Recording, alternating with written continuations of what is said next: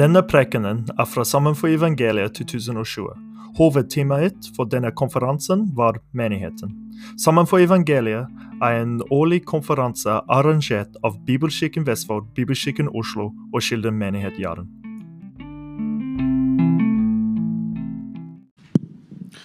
Før jeg begynner å tale, så har jeg lyst til å si at det er et stort privilegium å få lov å dele talestol denne helgen med medeldste i Bibelkirken Vestfold, men også våre partnere i Kilden menighet Jern og i Bibelkirken Oslo.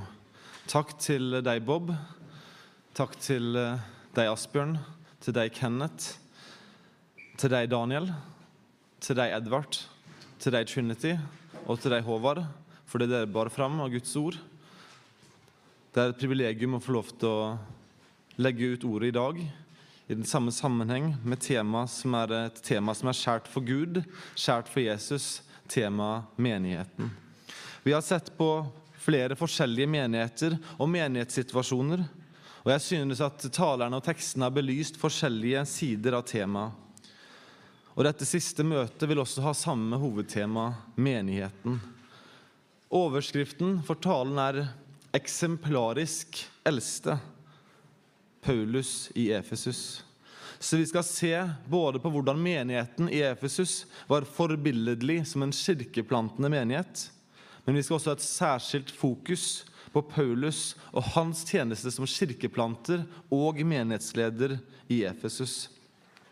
Så med det bakteppet så vil jeg at du skal slå opp i Bibelen til Apostlenes gjerninger, kapittel 20, og vi skal lese vers 17-38 sammen. Apostlenes gjerninger 20, 17-38. Og vi leser i Jesu navn. Fra Milé sendte han da bud til Efesus og kalte til seg menighetens eldste. Da de var kommet, sa han til dem, dere vet hvordan min ferd iblant dere var, hele tiden fra første dag da jeg kom til Asia. Jeg tjente Herren med all ydmykhet og under tårer og prøvelser som kom over meg ved jødenes onde planer. Jeg holdt ikke tilbake noe av det som kunne være til gagn for dere, men forsynte dere det og lærte dere det offentlig og i husene. Jeg vitnet både for jøder og for grekere om omvendelse til Gud og troen på vår Herre Jesus Kristus. Og se, bundet av Ånden drar jeg nå til Jerusalem og vet ikke hva som skal møte meg der. Jeg vet bare at Den hellige ånd i by etter by vitner for meg og sier at lenker og trengsler venter meg. Men for meg selv akter jeg ikke mitt liv et ord verdt når jeg bare kan fullende mitt løp og den tjenesten som jeg fikk av Herren Jesus, og vitne om Guds nådes evangelium. Og se, nå vet jeg at dere aldri mer skal se mitt ansikt, aldri dere som jeg gikk omkring iblant og forsynte riket. Derfor vitner jeg for dere på denne dag at jeg er ren for alles blod. For jeg har ikke holdt tilbake noe, men jeg har det hele Guds råd. Så gi dere akt på dere selv og på hele jorden, som Den hellige ånd har satt dere som tilsynsmenn for, for at dere skulle vokte Guds menighet, som Han vant seg med sitt eget blod. Jeg vet at etter min bortgang skal det komme glupende ulver inn blant dere, som ikke skåner jorden. Ja, blant dere selv skal det fremstå menn som fører falsk tale for å lukke disiplene etter seg. Våk derfor kom i hu at jeg i tre år, natt og dag, ikke holdt opp med å formane hver eneste en med tårer. Og nå overgir jeg dere til Gud og Hans nådes ord. Han som er mektig til å oppbygge dere og gi dere arv sammen med alle dem som er blitt helliget. Jeg har ikke traktet etter sølv eller gull eller klær fra noen. Dere vet selv at det jeg og de som var med meg, trengte, de har disse hendene arbeidet for. På alle måter har jeg vist dere at slik bør vi arbeide, så vi kan ta oss av de svake. For vi minnes de ord Herren Jesus selv sa, det er saligere å gi enn å ta imot. Da han hadde sagt dette, bøyde han kne og ba sammen med dem alle.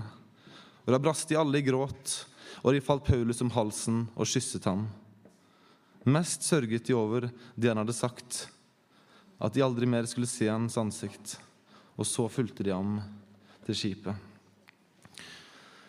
Gode himmelske Far, jeg ber nå om at du velsigner forkynnelsen av ditt ord. Måtte du virke gjennom ditt ord nå. Måtte du styrke menighetene representert her. Måtte du styrke alle de som tilhører deg. La de vokse i nåde og kjennskap til deg. Måtte du gi de gode forsamlinger å være i. Måtte du gi de gode hyrder, som kan være som Paulus. Jeg takker deg for at vi får lov til å være sammen nå, i frihet, kunne forkynne Jesus uten fare for fengsel eller trengsler på den måten. Måtte du fylle oss med takknemlighet for alt vi har. I Jesu navn. Derfor vitner jeg for dere på denne dag at jeg er ren for alles blod. For jeg har ikke holdt noe tilbake, men jeg har forsynt dere hele Guds råd. For en ting å kunne si etter endt tjeneste i en forsamling. For en ting å kunne avslutte med når en skal reise videre fra en forsamling en har tjent i tre år. Og for en utfordring til våre menigheter i dag. Kunne dere som menighetsledere sagt etter tre eller fire eller kanskje fem år i forsamlingene deres jeg er ren for alles blod. Jeg har ikke holdt noe tilbake. Jeg har forsynt dere hele Guds råd. Kunne dere sagt dette med et alvor og en oppriktighet, eller ville det virka fjernt og ikke grunna i realiteten? Dette var Paulus ord til de andre eldste i Efesus etter å ha tjent forsamlingen der i tre år. Så hvis han kunne si det, så må vi spørre oss sjøl Hvis vi skal kopiere hans eksempel, da må vi lære om hvordan han gikk frem for å komme til dette punktet. Hva var Paulus sin fremgangsmåte? Hvordan oppnådde han dette målet? Og Det er det denne teksten her forklarer, og vi skal også se på kapittel 19 til dels. Vi skal se altså på Paulus sin eksemplariske tjeneste i Efesus først. Og vi ser først at han tjente de med all myndighet. Beklager, all ydmykhet. Avsnittet vårt kontekstuelt begynner med at Paulus holder på å avslutte sin tredje misjonsreise. Han har allerede fullført to misjonsreiser, som både ble påbegynt og avsluttet i Antiokia. og Bob fortalte oss litt om det på torsdag. Antioka var hans hjemmemenighet som hadde sendt han ut. Og Denne tredje reisen begynte på akkurat samme måte. Han var i menigheten i Antiokia, og så reiste han ut på nytt på den tredje store reisen hans. Og Denne gangen var det ett reisemål som Paulus hadde spesielt i tankene sine når han nå skulle på reise byen Efesus. Han hadde vært innom Efesus mot slutten av hans andre misjonsreise. Han hadde brukt tid i synagogen til å samtale med jødene, men han hadde ikke fått ro til å bli værende lenge, selv om jødene denne gangen hadde bedt han om å bli værende lengre. Men Paulus sa til dem, som det står i Apostlenes gjerninger 18, 21, om Gud vil, så skal jeg komme tilbake til dere. Og Så seilte han fra Efesus og kom tilbake til menigheten i Antiokia. Om Gud vil, skal jeg komme tilbake til dere. Gud ville og det til gangs. Før Paulus returnerte, hadde Gud allerede begynt å forberede byen på det Gud ville gjøre der. For det første hadde Paulus noen medarbeidere og nære venner som jobbet kan du si, i kulissene. Priscilla og Akvillas, som også var teltmaker av yrke. Han hadde truffet disse i Korint. De hadde blitt med han til Efesus og blitt igjen der da Paulus dro videre. Sannsynligvis for å være med å tilrettelegge det Paulus hadde planlagt på sin tredje reise. Og Under tiden hvor Paulus var hjemme, hadde Priscilla og Akvillas identifisert en annen mann, en meget begavet mann med navnet Apollos, som var veltalende, han var sterk i skriftene, han var brennende i ånden, han var vel opplært i Herrens vei. Han kjente ikke alle detaljene rundt Jesu lære, så Priscilla og Akvillas tok han til side og disippelgjorde han, og han ble så videre sendt til Korint for å tjenestegjøre i menigheten der. Og Apostelgjerningene 19 begynner med å si at mens Apollos var i Korint, han hadde blitt sendt dit av Priscilla og Akvillas bl.a., så skjedde det at Paulus kom til Efesus. Og På den måten begynte en rik og utfordrende periode i Paulus sitt liv. En periode med eksplosiv kirkevekst, hvor evangeliets budskap fikk lyde klart i hele Lille Asia. Og Apostelgjerningene 19 og 20 omhandler denne perioden, Paulus sitt virke i Efesus. Paulus har reist eh, fra Efesus via Hellas for å komme til Jerusalem. Pga. hans lange reisevei kunne han få en siste anledning Nå er vi I vårt avsnitt er vi altså etter, i, tidsepoken etter han har vært i Efesus. Han har reist fra Efesus via Hellas og skal til Jerusalem. Men pga. valg av reisevei eh, så kunne han få en siste anledning til å adressere de eldste i Efesus. Han dro ikke til Efesus, han dro til en strand på Miletus. Og så tilkalte han de eldste fra Efesus ut til han, så han kunne samtale med dem en siste gang. Så teksten vår er Paulus sin adresse til de eldste i Efesus, ikke i Efesus, men på stranden i Miletus.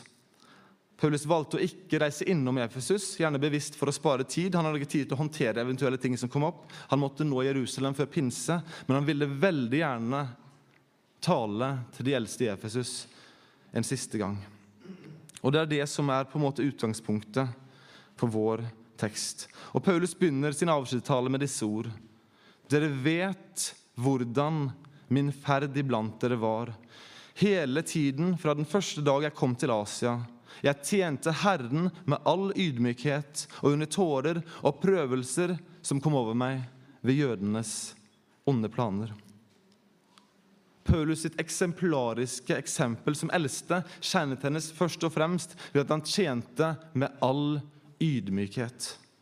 Han var ikke en despot som skulle regjere, han var en ydmyk tjener. Han var en apostel utnevnt av Gud og Jesus med autoritet, men han kom ikke inn som en despot, han kom inn som en ydmyk tjener. Og Årene i Efesus ble noen av de rikeste årene i Paulus sitt liv, tror jeg, men også noen av de tøffeste årene i hans liv. Han karakteriserte tiden som en tid med ydmykhet, under tårer og prøvelser. Og Spesifikt nevner han prøvelsene ikke fra de religiøse, fremmedreligiøse grekerne, men prøvelsen, han kom, prøvelsen hans kom primært fra de jødene, jødene sine onde planer. Da Paulus sin andre, når han var på sin andre misjonsreise, så hadde de samme jødene bedt han om å bli, bli værende, komme tilbake og forsyne mer. De hadde interesse for Kristus og det som Paulus forsynte om veien. Og Da Paulus returnerte til Efesus på en tredje reise, så dro han rett tilbake til synagogen, som var hans vanlige skikk, til disse som så gjerne ville ha han tilbake. Og Det står i apostelgjerningene 1908 han gikk så inn i synagogen og talte frimodig i tre måneder. Han førte samtaler med dem og overbeviste dem om det som hører Guds rike til. Han hadde fremdeles fremgang og progresjon i hans virke blant jødene. Men så skjedde det som nesten alltid skjedde da Paulus var i synagogen i en ny by. Den onde hadde sine menn der. Og det står i vers 9.: Men noen forherdet seg og ville ikke tro, og de talte ille om veien, så mengden hørte det. Og da brøt han lag med dem. Men disse forherdede jødene lot ikke Paulus slippe unna. Så selv om Paulus ikke lenger var i synagogen, så virker det som at disse har motarbeidet ham aktivt i løpet av hele hans tid å virke i Efesus. Paulus beskriver deres motgang som prøvelser som kom ved jødenes onde planer. Det var ikke tilfeldige onde ord eller onde gjerninger. Det var et koordinert forsøk fra de forherdede jødene om å ødelegge for Paulus. Når vi ser fremover og håper og tror på vekst og nye menigheter som vi kan være med å plante, så må ikke vi være så naive at vi ikke tror at vi også vil få aktive motstandere. Den onde har sine plassert omkring. Menn og kvinner som aktivt vil forsøke å motarbeide det som er Herrens vilje. Og de vil selv ofte tro at de gjør det i Herrens gjerning selv. Kanskje dere har møtt noen av de allerede, og det kommer garantert flere. Og vet du hva? Da kan det være fristende for oss som forsamlinger å bruke all vår tid og energi på å håndtere motstandere. At det kan oppta all vår tid. Sånn var det ikke for Paulus. Når han beskriver sin ydmyke tjeneste, så omtaler han lidelsen han ble påført av, de jødene, av jødenes onde planer, som reelle og vanskelige. Men de var ikke hovedsaken i hans tjeneste i menigheten. Hans utfordrere var en torn i skjødet, en byrde hang på, men det var ikke de han investerte all sin tid på. Istedenfor å investere, investere sin tid på motstandere som ville kverulere med han i vantro, så investerte han tiden på de som ville høre. De som var mottagelige for ordet, ikke de som forherdet seg for det. Måtte vi i våre menigheter ha visdom til å investere tiden på de som er mottagelige for ordet. Og ikke la oss brenne opp all energi på å diskutere med motstandere som forherder seg. Bruk energien og fokuset på sauene, ikke på geitene. Paulus sier videre hva hans tjeneste hadde bestått av. Hva gjorde han da hvis ikke han brukte tid på geitene? Det står i vers 20. Han hadde undervist dem i alt ganglig. Jeg holdt ikke noe tilbake av det som kunne være til gagn for dere, men forsynte dere det og lærte dere det offentlig og i husene. Paulus var ikke en som alltid ville diskutere endetid. Han var ikke en som alltid ville diskutere den logiske rekkefølgen av Guds dekret fra evighet av. Han underviste helt sikkert om endetid, det vet vi jo fra Skriftene. Jeg er litt mer usikker på det andre punktet. Men han var opptatt av å forsyne det som var til gagn for de som var der. Han forsynte og underviste det de nye kristne i Efesus trengte å høre, og det menighetslederne trengte å vite. Han forsto deres åndelige behov, og han underviste de deretter. Til det være et eksempel for oss. Helt klart hadde han systematisk teologi, men det var gjort på en måte som var til gagn, og som aldri ble en tom teologisk øvelse. Han holdt ikke tilbake noe. Han forsynte og lærte, både offentlig og i husene. Ordet oversatt 'forkynne' bærer med seg tanken om en mer formell setting, en proklamasjon, en rapport som han legger av når han gir et budskap. Ordet 'lære' kan både bety offentlig lære, men også lære i en mer intim setting, én mot én eller i, i, i husene osv. Og, og Paulus understreker at han gjorde begge deler. Han underviste formelt i menigheten, formelt i Tyrannus' skole, som vi skal høre mer om, men også i mindre og mer uformelle situasjoner, i husene, i hjemmene til folk. Paulus gjorde begge deler. Han forsynte og lærte i det offentlige og i husene. Hvor er det menigheten skal blomstre? Er det bare når vi er samla til gudstjeneste på søndag? Eller er det også i hjemmene, når de deler liv og tro sammen? Paulus sa ja takk begge deler. I apostelgjerningene 19,9 så leser vi hva som skjedde etter at han hadde forlatt synagogen som base for hans tjeneste. Og Der står det Da brøt han lag med dem og skilte disiplene fra dem og holdt daglige samtaler i Tyrannus skole. Paulus etablerte det som her kun kan beskrives som kirkehistoriens første bibelskole eller kirkehistoriens første pastorale utdanningsinstitutt. Vi vet han fikk disponere undervisningssalen til en lærer i Efesus som het Tyrannus. og Det var sannsynligvis et kallenavn han fikk, for han var en hard lærer. Eh, vi vet ikke så mye mer om han. Vi vet ikke om han var en troende, eller om han simpelthen var en som var velvillig mot Paulus og lot han disponere lokalene sine til en rimelig pris, kanskje gratis. Men Paulus fikk i hvert fall lov til å disponere lokalene i en periode på vel to år. Og I løpet av denne perioden så hadde han en formell og systematisk opplæring av menigheten i Efesus, primært fokus på de eldste, på de som skulle bli menighetsledere og kirkeplantere i lille Asia. Men han gjorde ikke det bare på skolen, han gjorde det også i hjemmene.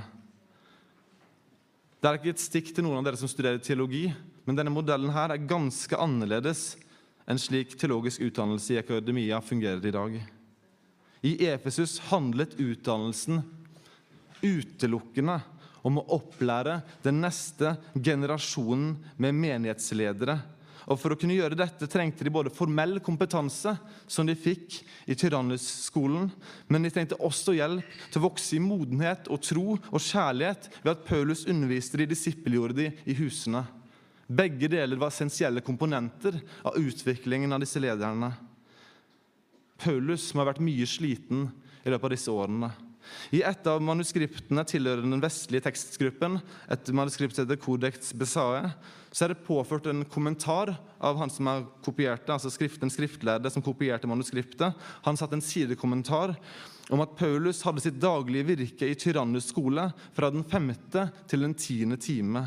Det vil si fra klokken 11 på formiddagen til klokken 16 på ettermiddagen. Og det er jo ikke det er ikke bibelsk inspirert, den sidekommentaren, men det er en god pekepinn på tidsbruken han brukte.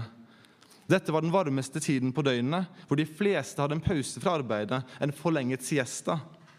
Det var sannsynligvis da Paulus kunne disponere skolen, for Tyrannus selv hadde sannsynligvis en siesta for sine studenter.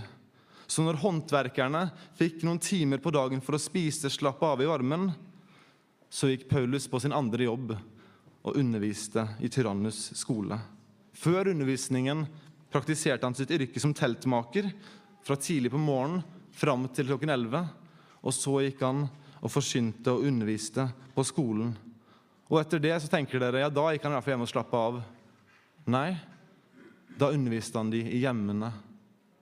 Det står seinere at da natt og dag strevde han med de og underviste de med tårer. De kan undre seg over når han fikk tid til å sove. Det eneste oppmuntringen jeg tenker for han, han hadde ikke små barn som skreik, men han hadde mange andre som skreik. Han hadde travle, slitsomme dager under prøvelser fra de forherdede jødene. Men han la vind på å lære menigheten og de som skulle bli fremtidens menighetsleder, alt som kunne være dem til gagn. Og det var ikke bare sånn at Han underviste i alt ganglig, han prioriterte også å nå ut til alle med evangeliet. Selv om en gruppering av jødene hadde forherda seg, så hadde han ikke gitt de opp som folkegruppe. Han understreker det i vers 21. Jeg vitnet både for jøder og for grekere om omvendelse til Gud og troen på vår Herre Jesus Kristus. Paulus hadde tatt noen av jødene ut av synagogen, og så hadde han investert sin tid både på disse jødene som ikke hadde forherda seg, men også på grekerne. Alle skulle bli opplært i evangeliet. De skulle lære om omvendelse til Gud og troen på vår Herre Jesus Kristus. Og det at Paulus tenkte bredt om nedslagsfeltet sitt, både jøder og grekere, betydde at han kunne få et mye større og effektivt nedslagsfelt i lille Asia når hans disipler igjen ble sendt ut for å plante menigheter. Vi leser i apostelgjerningene 1910. Dette, altså undervisningen i Tyrannusen skole, varte i to år. Og så står det følgende Så alle som bodde i Asia, fikk høre Herrens ord, både jøder og grekere. Hvordan i all verden kunne alle, generelt sett alle, som bodde i hele Asia, få høre Herrens ord når Paulus kun befant seg i Efesus? Det er utrolig å tenke på, er det ikke? Paulus lærte opp menigheten, han utrusta nye menighetsledere, og han sendte de ut. Så alle fikk høre.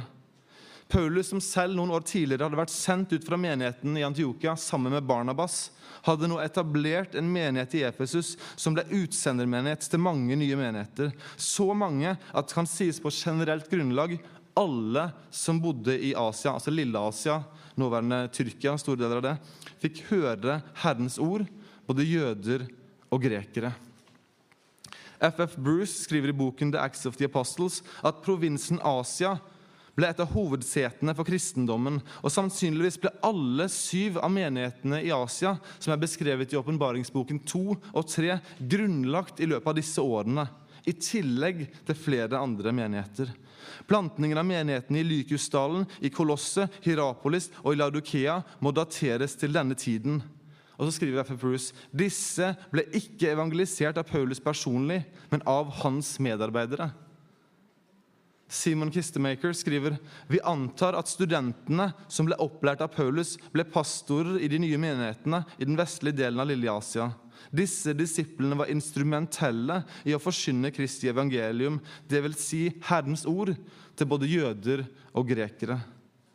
Jeg tror derfor ikke det er en overdrivelse å si at Paulus sine år i Efesus var blant de mest eksplosive i form av kirkevekst som vi noen gang har hatt i kirkehistorien.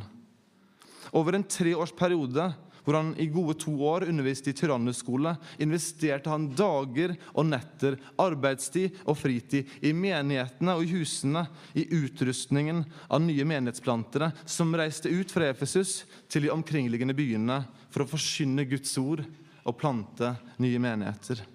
Og vi vet at mange av menighetene klarte seg bra, selv om de også hadde sine utfordringer. Menigheten i Kolosset blir omtalt som en som klarte seg ganske bra, men med sine utfordringer. Kolosserne 2.1 så skriver Paulus.: Jeg vil at dere skal vite hvor stor strid jeg har for dere og for dem i Laudikea og alle de andre som ikke selv har mitt, sett mitt ansikt. Han hadde ikke vært der, han hadde ikke planta menighetene, han hadde utrusta lederne, og nå strei han for dem i sine bønner. De var frukter av Paulus sitt arbeid i Efesus. I Kolosses var det en mann spesielt, Epafras, en av de Paulus hadde investert i, som sannsynligvis hadde blitt sendt fra Efesus tilbake til Kolosset, hvor han var fra. Han hadde plantet menigheten, fungerte som eldste der, virker det som, og det er også sannsynlig at han hadde tilsynsansvar for menigheten i Hirapolis og Laudokea. Menighetene blomstret opp i Lille-Asia som et resultat av at Gud velsigna Paulus sitt virke i Efesus. Det er morsomt å lese hvordan Paulus selv beskriver denne tiden når han skriver til menigheten i Korint. Det står i 1. Korinterbrev 16,8.: I Efesus blir jeg til pinse, for en dør har blitt åpnet for meg, stor og virksom, og det er mange motstandere. For en unik tid Paulus hadde i Efesus. Hør her. Vi tror på den samme Gud som også i dag er mektig til å gjøre like kraftige gjerninger i Norge i dag som han gjorde i Efesus og Lille-Asia i det første århundret. Veksten i Lille-Asia var en direkte frukt av investeringen som Paulus gjorde av liv, tid og jeg vil si helse i Efesus. Måtte Gud bruke oss som han brukte Paulus. Måtte han reise opp flere som Paulus, ikke som apostler, men som trofaste menighetsledere som kan tjene i menighetene på samme måte som Paulus her gjorde. Har du tro på at Gud kan gjøre det samme i dag som han gjorde for 2000 år siden? Har vi tro på det? I Efesus blir det etter pinse, for en dør har blitt åpnet opp for meg, stor og virksom og det er mange motstandere. Måtte vi kunne avlegge en tilsvarende rapport når vi møtes igjen. En dør har blitt åpnet for oss, stor og virksom, og det er mange motstandere. Når han nå skulle forlate Efesus, var det ikke fordi han var lei tjenesten sin der, men sannsynligvis fordi han var trygg på at menigheten nå var moden til å kunne klare seg. Han brukte også sin sønn i troen, Timoteus, til å tjene som pastor i menigheten senere. Nå var tiden kommet for han for å bevege seg videre, med målet om å komme til Roma, hvor han hadde unfinished business. Men først skulle han til Jerusalem. Vi ser at Paulus tjente menigheten i Efesus med all ydmykhet. Han hadde undervist i alt ganglig. Han hadde forsynt evangeliet til alle. Nå skal vi se også at han var villig til å ofre alt. Selv om det komfortable for Paulus nå hadde vært å bli værende i, Paulus, i Efesus, så vitner han her i de neste versene vi skal se på, om en uslokkelig brann i han som gjør at han er villig til å ofre det han hadde bygd opp. Ikke ofre det, men ofre sin egen posisjon i det, for at evangeliet skulle spres videre. Grunnen til at han var villig til å ofre alt, var at han forsto at det var i tråd med Guds vilje å forlate Efesus på dette tidspunktet. Det står i vers 22.: Og se, bundet av Ånden drar jeg nå til Jerusalem, og vet ikke hva som skal møte meg der. Han visste ikke i detalj hva som ventet han, men én ting visste han sikkert. Han skulle møte lenker og lidelser. Jeg vet bare at Den hellige ånd i by etter by vitner for meg og sier at lenker og trengsler venter meg. Det var ikke en komfortabel alderdom som venta Paulus. Det var ikke noen rolige år nå som lå foran han. Lenker og trengsler lå foran. Den hellige ånd hadde tydelig åpenbart dette for han. Men for at han skulle være tro i sitt kall, så måtte han dra videre. Det var en flamme i han han ikke kunne slukke. Han forklarer dette til de eldste i Efesus. For meg selv akter jeg ikke mitt liv et ord verdt når jeg bare kan fullende mitt løp og den tjenesten som jeg fikk av Herren Jesus, og vitne om Guds nådes evangelium. Lenker og trengsler og foran, Men han hadde et kall, han hadde en tjeneste han måtte gjøre. Han hadde ett mål for øyet, ett overordna mål som definerte hele hans tjeneste. Han skulle vitne om Guds nådes evangelium. Jeg håper det er sentralt i menigheten du tilhører. At det er sentralt i våre menigheter. At Guds nådes evangelium står i sentrum. Forkynnelsen om Jesu liv, forsonende død og oppstandelse og hjemkomst er det som opptar tiden. Forkynnelse om en Gud som frelser av nåde ved tro, en forkynnelse som peker på Kristus. Måtte Paulus sitt livskall være mottoet for våre kirker. Og er det ikke det nå, så må det bli det. Paulus var villig til å ofre alt for å kunne fullføre løpet i tjenesten for Guds nådes evangelium. Den hellige ånd drev han videre, og han var villig til å ofre alt. Men det var også en annen grunn til at han nå kunne forlate menigheten i Efesus med god samvittighet. Det var ikke bare, som om det skulle være lite, at han hadde et kall til å reise videre. Det var også det faktum at han nå hadde gitt menigheten og de eldste alt det de trengte for å klare seg uten ham. De hadde nå blitt opplært i alt det de trengte for å kunne tjene videre med visdom og forstand i menighetens tjeneste i evangeliet. Og Paulus sine ord oppsummeres i denne ene setningen han var ren for alles blod. Og se, nå vet jeg at dere aldri mer skal se mitt ansikt, alle dere som gikk omkring iblant og forsynte, alle dere som jeg gikk omkring iblant og forsynte riket. Derfor vitner jeg for dere på denne dag at jeg er ren for alles blod. For jeg har ikke holdt noe tilbake. Jeg har forsynt dere hele Guds råd. Jeg vil altså si til dere som er pastor eller fremtidig pastor her hvis du noen gang skal forlate en menighet, så håper jeg du kan gjøre det med Paulus sine ord her. Jeg vitner for dere på denne dag at jeg er ren for alles blod. Jeg har ikke holdt noe tilbake. Jeg har forsynt dere hele Guds råd. Etter tre år i så var dette konklusjonen til Paulus. Han kunne reise uten dårlig samvittighet. Han hadde ingenting usagt. Han hadde adressert alle de essensielle punktene i Skriften på en slik måte at de som hadde mottatt hans undervisning, ikke lenger hadde noen unnskyldning om det skulle gå ille. Paulus var ren for alles blod. Er det noe som vi menighetsledere kan si til flokken som er med oss? Kanskje ikke ennå, men er det her noe vi jobber mot å kunne si om ett eller to eller tre år? La oss utvide perspektivet litt. Hva med dere foreldre?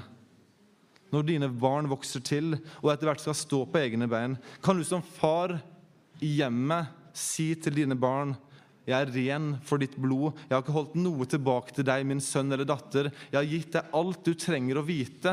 Jeg har eksemplifisert et liv som vitner om Kristi etterfølgelse. Jeg har gitt deg informasjonen du trenger. Jeg har pekt på Kristus. Nå er det du som må ute i verden og stå på egne bein.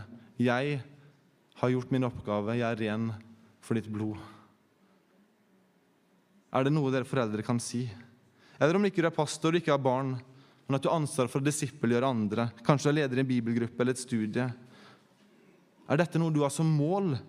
At du kan si til den eller de som du disippelgjør, de du er med å lede i bibelgrupper, eller mer i en én-til-én-disippelgjøring, at du til slutt også kan si til denne personen eller de personene Jeg er ren for ditt blod, jeg har gitt deg alt. Jeg har ikke holdt noe tilbake. Jeg har forsynt hele Guds råd til deg. Paulus kunne si dette med god samvittighet, og det strider mot all god norsk jantelov at han kunne si det med så stor frimodighet. Den autonome nordmannen i meg blir sint når jeg leser dette. Men det nye mennesket lengter etter å en gang kunne si det samme. Paulus var ren for alles blod. Han hadde vært en eksemplarisk eldste, han hadde en eksemplarisk tjeneste, og han kunne nå reise med god samvittighet. Etter å beskreve sin tjeneste så skulle han gi de eldste en siste formaning. Og Det er det vi ser i de siste versene, eller det siste avsnittet. Vi går fra hans eksemplariske tjeneste til hans eksemplariske formaning til de eldste. i Efesus. Hva er det første han vil minne dem på når han skal instruere dem? Det første han gjør, er å minne dem om hvem som eier menigheten.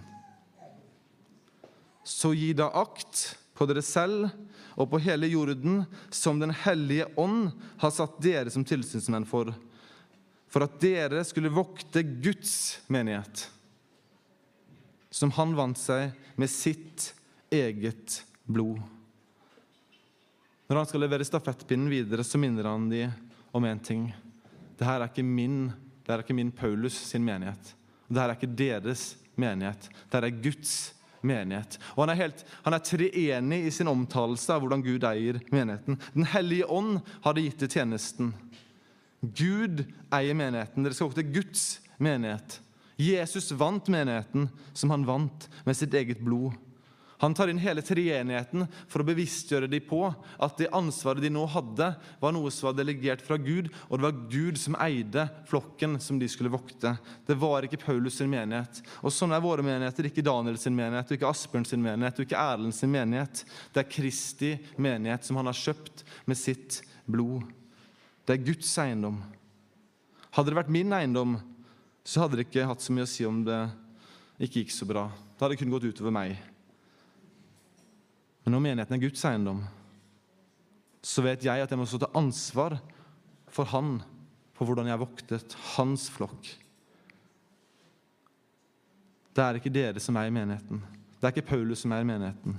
Den tilhører Gud. Så gi akt på dere selv og på hele jorden. Pass på flokken. Bevar den, gi den omsorg, plei den. Gi den det de trenger. Han minner ikke bare de eldste om hvem som eier menigheten, han minner de også på hvilken trussel de står over. Han advarte de mot de som truer menigheten. Jeg vet at etter min bortgang skal det komme glupende ulver inn blant dere, som ikke skåner jorden. Ja, blant dere selv skal det fremstå menn som fører falsk tale for å lokke disiplene etter seg. Håvard var så vidt innom disse versene også. Vi ser det er to grupper Paulus identifiserer trusler for menigheten. Den første er en ekstern gruppe. Jeg vet at etter min bortgang skal det komme glupende ulver inn blant dere, som ikke skåner jorden. Det vil komme mennesker inn fra utsiden som vil ha en agenda, et formål om å føre forsamlingen vekk fra den enkle tro på evangeliet om Jesus Kristus. De vil komme inn for å skape splid, for å ta mennesker vekk fra sannheten. De vil være ulver, de vil skade, ikke skåne flokken. Det er en trussel mot vranglærere, falske profeter, som kan komme. Vi vet at menigheten i Efesus tok dette på alvor. For det står i Åpenbaringen 2.2 følgende om menigheten i Efesus.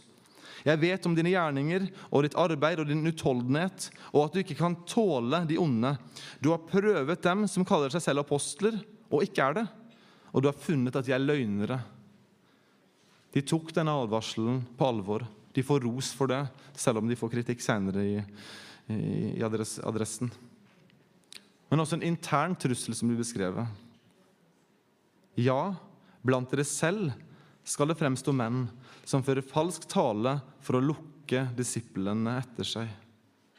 Og vi vet, hvis du leser første og andre Timoteus-brev, som altså adressert til Timoteus som fungerende pastor i Efesus, at det skulle bli en reell trussel som skapte stor skade i menigheten i Efesus. 2. Timoteus 2, 16-18, så skriver Paulus.: Vend deg bort fra det vanhellige, tomme snakk, for de går bare videre og videre i ugudelighet. Deres ord vil ete om seg som villkjøtt. Blant dem er Himeneus og Felitus de har faret vill fra sannheten, for de sier at oppstandelsen alt har funnet sted, og hos noen omstyrter de troen. Jeg lurer på om Hymeneus og Filetus var sammen med Paulus i Miletus. Kanskje de var der allerede. Kanskje de kom inn seinere. Vi veit ikke. Men han sier fra deres indre, fra deres egne, skal det stå opp noen som vil fare før andre vil. Og det hadde disse gjort, omstyrtet troen hos noen. Trusselen for menigheten var alvorlig. Paulus ber de våke. Paulus ber de våke, og det må vi også. Våk derfor. Kom i hu at jeg i tre år, natt og dag, ikke holdt opp med å formane hver eneste en med tårer. Hør nå, Dette er ikke bare en advarsel til menighetsledere, dette er en advarsel til alle. Vi som går i menighet, vær med og våk, vær med og be. Og be for lederskapet, at vi skal kunne identifisere trusler rettidig og korrekt. Kom i hu at jeg i tre år natt og dag, ikke holdt opp med å forvane hver eneste med tårer. Det var eksempelet han satt foran dem. Igjen, når sov denne mannen egentlig? Han jobbet tidlig om morgenen, han underviste fra 11 til 4. Han jobba kanskje litt til på ettermiddagen, og så underviste han hjemmene. Han forvante hver eneste en med tårer dag og natt. Han forsto at eiendommen beklager, at menigheten var Guds eiendom. Han forsto at flokken var utsatt for fare, både fra eksterne og interne krefter. Så han brukte all sin ledige tid, all hans ledige energi, på å formane hver eneste en med tårer. Her ser vi en lærer som bryr seg. Når du formaner med tårer, så betyr det at du har empati fordi du er pastor for. Måtte det være sant for oss alle, ikke bare disse ledere, at vi har empati med våre brødre og søstre i troen. Når de lider, så lider du. At du også er med å oppmuntre de rundt deg, med tårer om nødvendig, og med latter når det er nødvendig, og med smil når det er nødvendig. Han gledet seg med dem, han gråt med dem. Han var mye sammen med dem. Hør nå, Jeg føler meg totalt utilstrekkelig som pastor når jeg sammenligner meg med Paulus her. Men jeg lar meg også oppmuntre av hans eksempel. Han forsto trusselen. Han forsto hva menigheten trengte.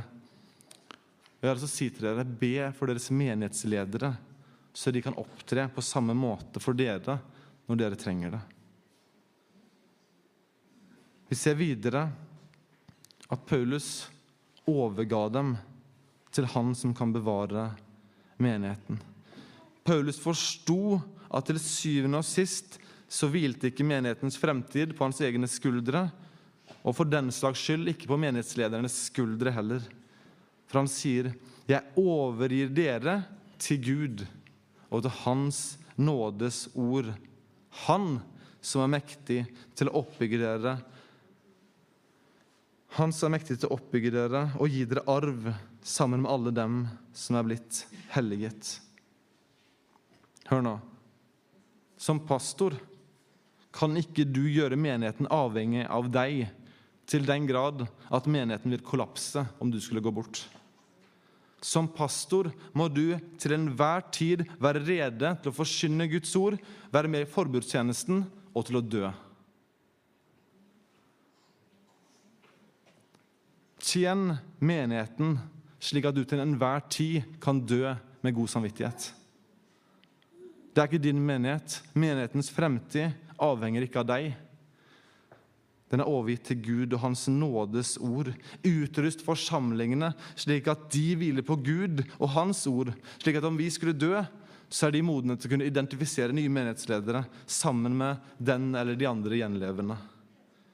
Gud er mektig til å oppbygge dere og gi dere arv sammen med alle dem som er blitt hellighet. Paulus overga dem til Gud, deres kjærlige far. Men selv om han understrekte at menighetens framtid totalt sett og ultimat sett var avhengig av Gud og ikke mennesker, så ville han fremdeles at de eldste skulle utøse seg selv for de som de var satt til å tjene.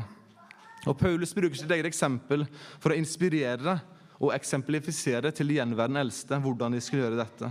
Det står i vers 33. Jeg har ikke traktet etter sølv eller gull eller klær fra noen. Dere vet selv at det jeg og de som var med meg, trengte, det har disse hendene arbeidet for. På alle måter har jeg vist dere at slik bør vi arbeide, så vi kan tas av de svake. For vi minnes de ord Herren Jesus selv sa. Det er saligere å gi enn å ta imot. Hans eksempel var som sagt at han ordnet med telt fra tidlig morgen av. Og når de andre tok middagspausen sin, så gikk han for å undervise i Tyrannusen skole. Og når han var ferdig med det, jobbet han litt til, og så underviste han i hjemmene. Og han tok ære i det, at han kunne forsørge seg selv og for de som var med han, selv om han med rett kunne kreve det han trengte fra menigheten. Og Det er viktig å understreke. Dette er ikke et argument for at menigheten ikke skal støtte sine eldste, men det er et argument for at det i mange situasjoner er riktig å ha et sekulært arbeid på siden som en del av menighetstjenesten. Og det er det som er tilfellet for de fleste av oss som er med å tjene. Men gjør det kun så lenge det er hensiktsmessig for menigheten at det er slik. Ikke lenger. Og Jeg er oppmuntret av at Paulus eksemplifiserte det som de fleste av oss nå gjør. Paulus gikk på jobb, han lagde telt, han tjente penger. Men teltmakeriet var ikke hans livskall. Det var ikke det han brente for, selv om han sikkert var en dyktig teltmaker. Han brente for menigheten, for Guds evangelium som skulle nå ut. Ingen skal hevde at dette er lett, men det er mulig. Igjen jeg har lyst til å adressere dere som er eldste. Dere som jobber i en sekulær jobb, og som skal være menighetsledere, trofaste ektemenn, fedre. Sannsynligvis balanserer dere allerede på en knivegg hva gjelder å bli utbrent og møte veggen. Dere er nødt til å omringe dere med mennesker som hjelper dere å si stopp. Dere som går i menigheter, vit at det er hardt arbeid å tjene som eldste. Avlast deres eldste på de områdene dere kan. La de bruke sin tid og sin tjeneste primært på det som er deres hovedoppgave. Til å være med i bønnetjenesten, til å eksemplifisere evangelisering, til å, til å drive disippelgjøring og gjennom formidlingen av Guds ord. Når jeg kjenner på eget liv, og når jeg snakker med dere andre som er menighetsledere her, så tror jeg kjennetegnet er at alle er litt slitne når de kommer hit. Alle er litt trøtt. Det er for så vidt sant for mange andre også. Det er ikke bare, det, det, så jeg prøver ikke å si at det her er kun eller de. Men det er det jeg hører også. Folk kommer her, de er, de er litt slitne. Det er litt mye nå. Og det er også sant for mitt liv. De er takknemlige for tjenesten, men de er slitne. Be for deres eldste. Tror Trinity sa i ordene i går, Hebrebrevet 13, 17. Vær lydige mot deres veiledere og retter etter dem, for de våker over deres sjeler og skal avlegge regnskap for det. Se til at de kan gjøre det med glede og uten sukk, for ellers vil det ikke være til gagn for dere. Det går egentlig utover dere når ikke de eldste får tjene med glede. Be for deres eldste. Støtt deres eldste. Paulus hadde utøst seg selv og var et eksempel til etterfølgelse. Men vi må ha visdom i at ikke vi brenner oss helt vi må omringe oss med menn og kvinner som sier ifra når det er for mye, og som hjelper og bistår når de kan. Paulus utøste seg selv. Han var nok klar for å reise videre og utøse seg selv på nytt i Jerusalem og senere i Roma og andre steder. Kan vi spørre deg, Hvordan unngikk han å gå på en smell? Jeg tror nøkkelen var at han så på det som sitt livs privilegium å få formidle Guds nådes evangelium til de eldste i Efesus og andre steder. Nøkkelen var at han sleit seg ut i takknemlighet.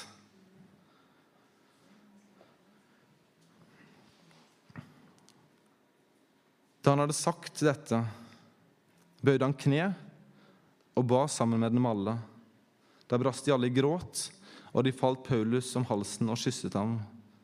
Mest sørget de over det han hadde sagt, at de aldri mer skulle få se hans ansikt.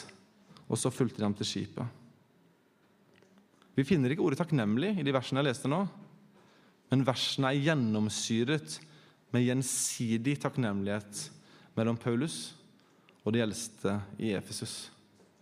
Jeg tør påstå at dette er kanskje en av Nytestamentets vakreste scener, foruten om de som omhandler Jesus. Så er dette en av de vakreste scenene vi har i det hele Nytestamentet. Når Paulus og de eldste bøyde kne, ba sammen og sa farvel. I takknemlighet, utslitt og velsignet etter tre gode år i Efesus for Guds rike og til Guds ære. Måtte disse tingene om Måtte disse tingene være sanne for oss. Måtte de beskrive våre tjenester, våre forsamlinger, måtte vi tro at Gud kan virke i dag som han virka i Efesus og lille Asia i det første århundret. La oss be sammen. Gode himmelske Far. Vi erkjenner at vi er i oss sjøl svake. Vi trenger hjelp til alt vi skal foreta oss. Hvis vi skal kunne være med som kristne, menn og kvinner, unge og gamle, og formidle evangeliet om din sønn, så trenger vi hjelp av deg. Måtte du lede oss gjennom ditt ord. Måtte du utruste forsamlingene som er her. Måtte du gi alle som er her, gode forsamlinger å gå til, hvor de kan bli ivaretatt, hvor de kan få vokse, hvor de kan bli utrusta. Fortsett å verne om ditt folk. Fortsett å virke gjennom ditt ord. Vern om menighetslederne, så de ikke brenner seg helt. Gi de visdom til å si nei. Gi de takknemlighet og glede i arbeidet. Så ser vi, kjære far, at Guds menighet består av de som er født på ny. Ditt folk. Kjære far, om det skulle være noen her i dag som ikke tilhører din allmenne menighet, som ikke er født på ny, så ber jeg om at du i denne stund må vise dem Kristus, som levde for dem, som døde for dem, og som sto opp for dem som den førstefødte. Som elsker dem. Og jeg ber om at du må skape omvendelse og tro. Vi er takknemlige for at vi har det så godt.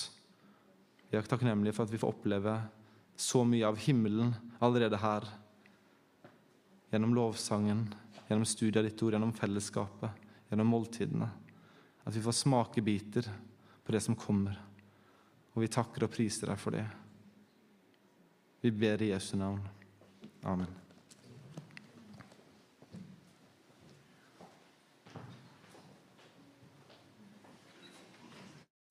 Takk for at du hørte på denne prekenen. Ønsker du mer informasjon, besøk sammenforevangeliet.no eller vår Facebook-side.